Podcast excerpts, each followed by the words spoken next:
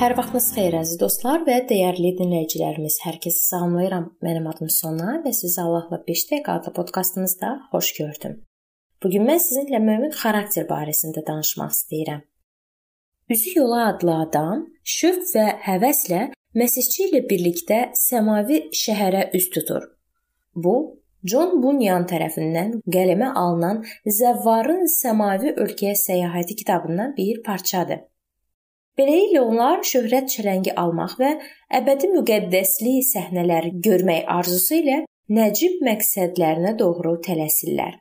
Amma ümidsizlik bataqlığına düşən üzü yola adlı adam Şirnikir və Məhv şəhərinə qayıdır. Orada bəzi dostları onu sevinclə qarşılayırlar və öz doğma şəhərinə qayıtmaq barədə qərarına görə onu müdrik adlandırırlar. Digərləri isə ümumiyyətlə Məsihçi ilə yola çıxdığına görə onu avam adlandırırlar. Amma yerdə qalan böyük əksəriyyət bir neçə maneədən sonra qorxub geri çəkilərək qayıtdığı üçün sadəcə ona gülürlər. Amma bundan sonra hamısı birlikdə müxtəlif acı sözlərdən istifadə etməklə məsihçini gülüş obyektinə çevirirlər. İmanlı valideynlər öz ailələrində məhz belə vəziyyətin yaranmasından narahat olurlar. Uşaqların belə kədərli davranış sərgiləyə biləcəyi hissi tərbiyəyə və böyüməkdə olan uşaqlarımızda mömin xarakter formalaşdırmasına xüsusi vaciblik qatır. Bizim kimi uşaqlarımız da azad seçim qarşısındadılar. Hər biri xeyir və şər arasında seçim etmək imkanına malikdir. Amma nəyin xeyir, nəyin şər olduğuna sərbəst qərar vermək haqqımız yoxdur. Belə bir hüquq yalnız Allaha məxsusdur və o öz sözü vasitəsilə bizə nəyin xeyir, nəyin şər olduğunu anladır. Bu həqiqətlər əsrlər boyu mübahisə mövzusu olub, rədd edilib və ya keçirdilib. Vəziyyət o hala gəlib çatıb ki, davranışda bütün ictimai normaların tam çöküşü zəmanəmizdə qaçılmaz kimi görünür. Allahın həqiqətini inkar etməklə insanlar şeytanın onları qorxutduğu yalanın dəhşətlərinə bulaşırlar. Üçüncüsünü gözləməyə dəyməz. Kimsə etiraz edib deyə bilər ki, hər bir şəxsin mənəviyyat və əxlaq barədə müəyyən təsəvvürü var və mənəviyyat məsələləri mübahisə mövzusu deyil. Çünki hərəkətlər subyektiv olaraq düzgün və ya subyektiv olaraq yanlış ola bilər.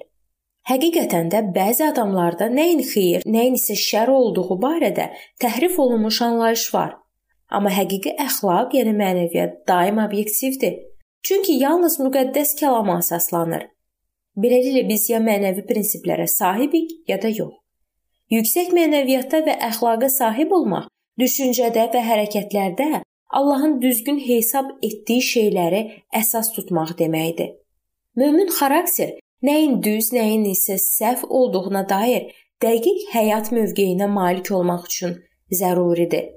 Bu bizim daxili nüvə adlandırdığımız insanı müstəqil olaraq düzgün qərar qəbul etmək.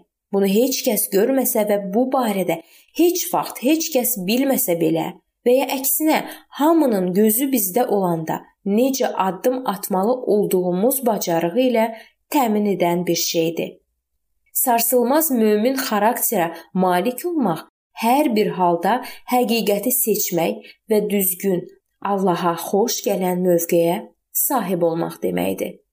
Bu mövzunun davamını əziz dostlar biz növbəti görüşümüzdə araşdırmağa davam eləyəcəyik.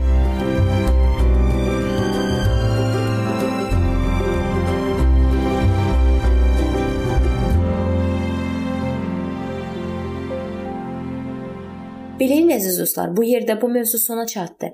Hər zaman olduğu kimi sizi dəvət edirəm ki, bizim podkastlarımızı Facebook səhifəmizdən və YouTube kanalımızdan dinləməyə davam eləyəsiniz. Nəzərinizə çatdırım ki, müqəddəs kitabı araşdırmaq istəyənlər linkə daxil olaraq qeydiyyatdan keçə bilərlər. İndi isə mən sizinlə sağollaşıram və növbəti görüşlərdə görmək ümidi ilə. Sağ olun, salamat qalın.